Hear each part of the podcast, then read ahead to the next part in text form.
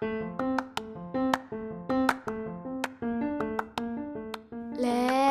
level up. Selamat datang. Kalian telah mendengarkan podcast konselor.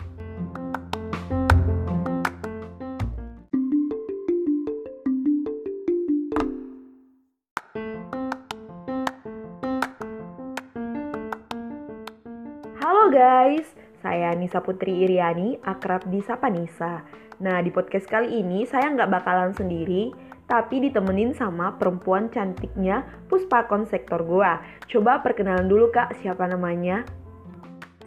Waduh, ya jadi ya Kanisa nih terlalu melebih-lebihkan ya. ya perkenalkan saya Ragatria, akrab disapa Ega. Jadi sedikit penjelasan nih Kanisa. Podcast kali ini merupakan podcast kedua dari season pertama ya. Temanya masih sama yaitu Influence Young Generation. Nah, di sini saya dan Kanisa akan berbincang tentang kuliah versus nikah. Betul Kanisa?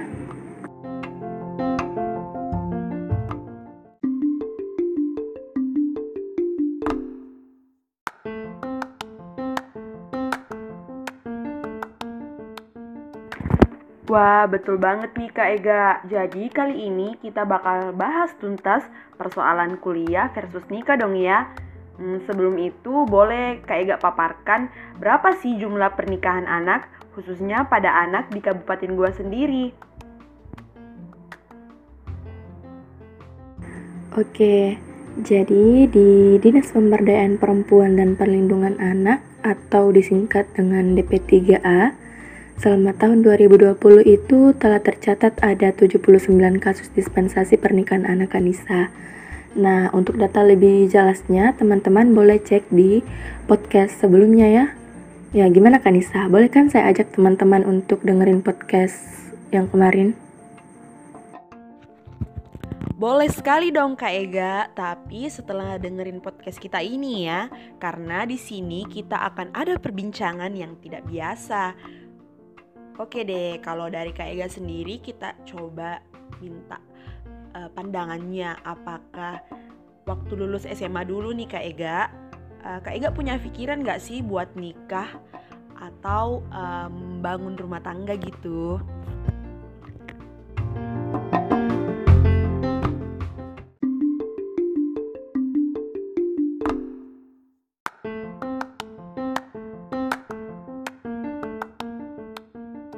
Waduh, ya Kanisa, uh, jadi sedikit cerita aja ya. Nah, jadi sempat tuh pas uh, lulus SMA, saya pernah berpikiran kalau misalkan uh, ada orang yang ke rumah datang buat ngelamar saya, saya akan terima Kanisa. Karena gimana ya, uh, setelah lulus SMA itu betul-betul saya bingung. Saya nggak tahu mau ngapain, mau kuliah tapi nggak tahu mau daftar di mana teman-teman juga uh, pas lulus SMA itu sudah ada yang memutuskan buat nikah Kanisa.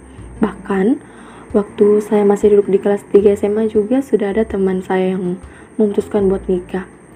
Ya jadi betul-betul ya uh, lingkungan itu sangat besar pengaruhnya buat uh, pikiran kita. Tapi uh, setelah saya berbincang dengan orang tua kakak saya dengan guru BK di sekolah juga pikiran saya buat nikah pada saat itu udah nggak ada kan Nisa maksudnya udah nggak ada untuk saat itu ya tapi uh, sekarang mungkin setelah sarjana kerja baru deh Wah, wah, wah, betul sekali Kak Ega. Lingkungan itu sangat besar pengaruhnya ternyata pada kehidupan kita ya. Tapi bukan berarti hal itu yang dapat menentukan masa depan kita, Kak Ega. Masa depan kita tetap ada pada diri kita. Jadi semua keputusan itu kembali pada diri kita, Kak Ega. Iya, betul sekali, Kanisa. Kak Ega tadi bilang bahwa Kak Ega itu tidak tahu mau daftar kuliah uh, setelah lulus SMA ya Kak Ega. Nah, Kak Ega boleh nggak ceritakan secara ringkas lah ya, melihat waktu yang membatasi juga, bagaimana akhirnya Kak Ega memutuskan untuk kuliah. Nah, Oke, ya. Jadi, uh, seperti yang saya katakan tadi nih Kanisa, setelah lulus SMA itu betul-betul saya bingung nggak tahu mau ngapain, nggak tahu mau lanjut pendidikan di mana. Tapi setelah saya menemui guru BK di sekolah, saya diberikan layanan konseling, saya dibimbing sehingga saya dapat memutuskan untuk uh, kuliah Kanisa. Nah, selain itu saya juga cerita dengan orang tua, dengan kakak saya di rumah.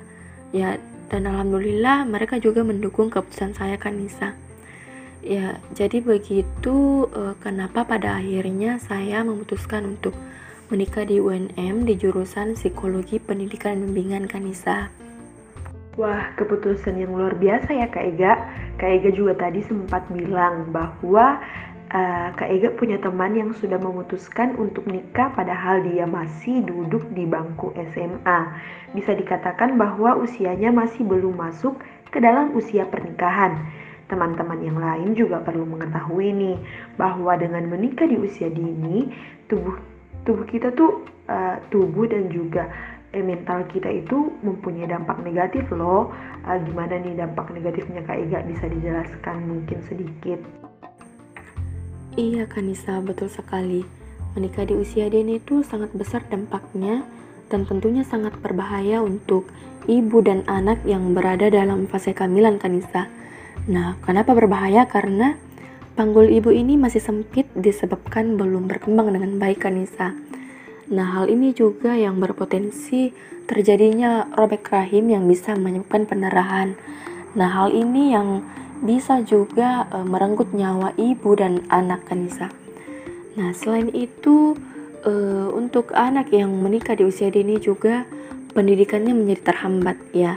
Pasti alasan utamanya mereka malu terhadap lingkungan dan juga uh, pasti sulit untuk mengelola waktu dengan baik Kanisa. Nah selain itu uh, sangat besar juga kemungkinan untuk terjadinya kekerasan dalam berumah tangga Kanisa karena biasanya hal ini disebabkan oleh faktor ekonomi dan lingkungan juga Kanisa nih. Nah selain ketiga dampak yang saya sebutkan tadi uh, masih banyak dampak-dampak yang lain yang tentunya sangat berbahaya Kanisa untuk anak yang menikah di usia dini. Wah, kalau menurut saya sendiri sih gak itu menyeramkan banget sih. Iya kan Kanisa? Kalau menurut Kanisa sendiri, apa sih penyebab dari anak-anak yang lebih e, memilih untuk menikah dibanding kuliah dulu? Kalau menurut saya sendiri ya Kak Ega, kenapa sih banyak anak-anak yang lebih memilih untuk menikah dibanding kuliah dulu? seperti yang tadi kita bahas bahwa lingkungan itu sangat besar pengaruhnya itu juga salah satunya karena uh, ketika uh, misalnya nih Kak Ega lihat tetangganya ih dia menikah nih baru uh, baru lulus SMA pas itu kita punya pandangan bahwa menikah mak juga deh.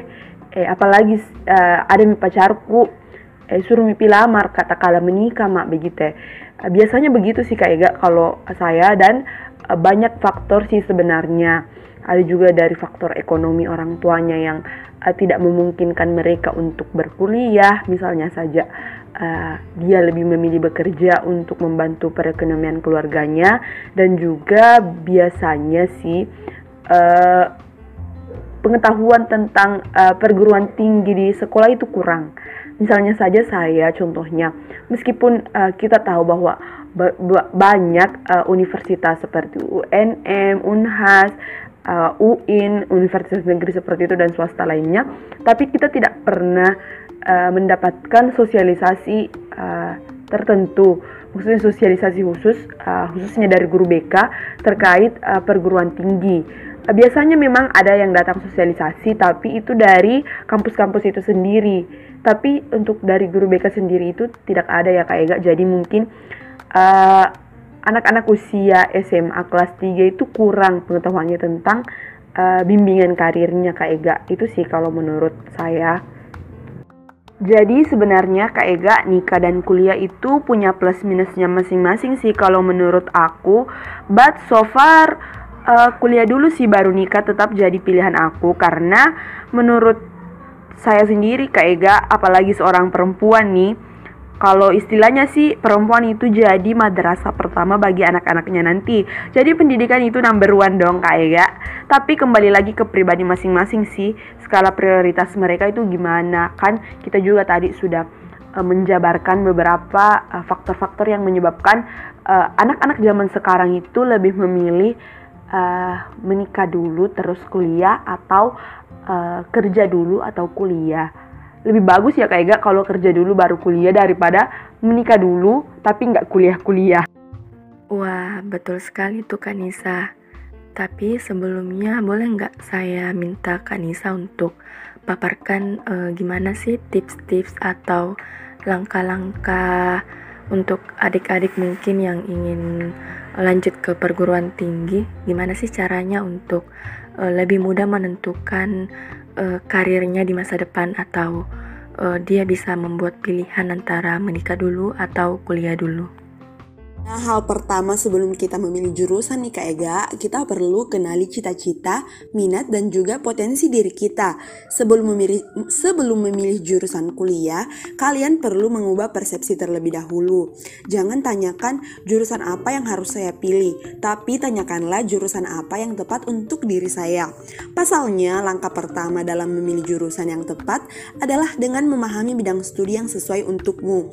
Nah, hal ini bisa dilihat dari beberapa aspek aspek seperti cita-cita, minat, dan potensi diri. Begitu Kak Ega. Nah, untuk menggali dan mengenali diri kalian lebih baik, kalian dapat menjawab beberapa pertanyaan uh, berikut. Yang pertama, uh, kalian ingin bekerja di industri apa? Misalnya saja kalian ingin, kalian ingin bekerja di industri kesehatan, pendidikan, ekonomi, dan lain sebagainya. Yang kedua, hal apa yang bisa membuat kalian lupa waktu? Misalnya saja kalian lupa waktu uh, fangirling opa Korea, kalian lupa waktu belanja, kalian lupa waktu menggambar, dan lain sebagainya. Terus yang ketiga, apa kekuatan kekuatan terbesar kalian? Nah, uh, yang keempat, apa yang kalian uh, tidak sukai? Dan yang kelima, orang orang bilang kalian itu bertalenta di bidang apa sih? Nah, itu tips yang pertama. Tips yang kedua, pertimbangkan peluang masa depan. Pada dasarnya sih semua jurusan itu memiliki peluangnya masing-masing. Meski begitu kalian dapat mempertimbangkan jurusan apa yang sekiranya memiliki prospek karir yang lebih menjanjikan di masa depan. Amati kondisi terkini dan sesuaikan prospek karir yang tersedia sesuai program studi tersebut. Misalnya saja saat ini Indonesia sedang berkembang di sektor pariwisata. Nah, kalian bisa mencari bidang yang berkaitan dengan pariwisata. Misalnya saja seperti perhotelan dan kuliner. Tapi kembali lagi sesuaikan dengan cita-cita, minat, dan potensi kalian ya. Yang ketiga, lakukanlah riset agar kalian tidak salah jalan. Setelah memilih beberapa opsi jurusan, kamu dapat melakukan riset untuk mendapatkan informasi pendukung. Mulailah dari mata kuliah apa saja yang akan kalian pelajari, kampus mana saja yang menyediakan jurusan tersebut, berapa biaya dan akreditasinya, serta jalur apa yang tersedia untuk bidang karirnya. Kamu dapat membuat daftar jurusan kuliah yang sesuai dengan dirimu. Kemudian kumpulkan hasil riset dan bandingkan data tersebut untuk mendapatkan jurusan yang paling tepat. Nah, yang keempat, konsultasikan dengan pihak lain. Di sini kalian bisa berkonsultasi dengan orang-orang terdekat kalian seperti orang tua, keluarga dan teman. Nah, di sini sebenarnya fungsi guru BK sih Kak Ega untuk uh, membimbing peserta didik dalam bidang karirnya. Di sini sebenarnya guru BK sangat berperan dalam uh, memberikan uh, layanan uh, bimbingan karir. Nah, yang terakhir beri waktu kepada diri kalian sendiri. Setelah melewati empat langkah di atas, uh, kalian uh, dapat melakukan kayak me time begitu. Biarkan diri kalian memikirkan semuanya dengan perlahan-lahan, mulai dari kemampuan kalian, peluang masa depan hingga pendapat dari orang-orang terdekat kalian. Meski begitu, upayakan untuk tidak terpengaruh dengan orang lain ya. Misalnya saja uh, ih mau kak masuk BK deh. Karena teman teman sebangkuku ini kayak chairmateku begitu pilih BK saya BK mau juga deh. Jangan begitu nah. Jangan begitu kawan-kawan. Karena pada dasarnya kalian itu lebih mengenal diri kalian sendiri dan apa yang kalian mau. Nah itulah mungkin uh, 5 tips dari uh, kami untuk memilih jurusan yang tepat. Uh, bisa juga uh, kalian konsultasikan dengan guru BK kalian. Misalnya kalian butuh bimbingan karir kalian langsung ke guru BK kalian karena itu memang fungsi dari guru BK guru BK itu memiliki empat fungsi yaitu layanan pribadi sosial layanan karir dan juga layanan bimbingan belajar nah mungkin itu dari uh, terkait tips memilih jurusan Kak Ega mungkin ada lagi tambahan dari Kak Ega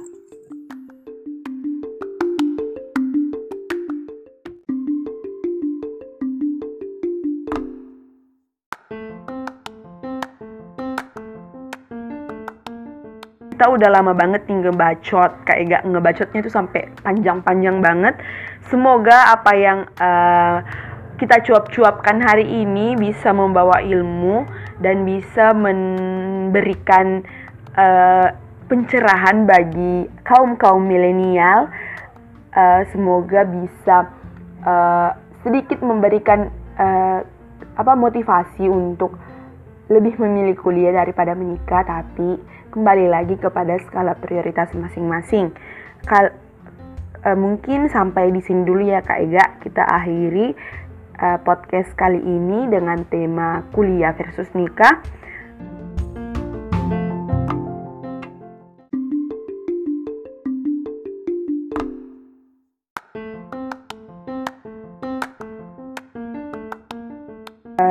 Teman-teman, terima kasih telah mendengarkan.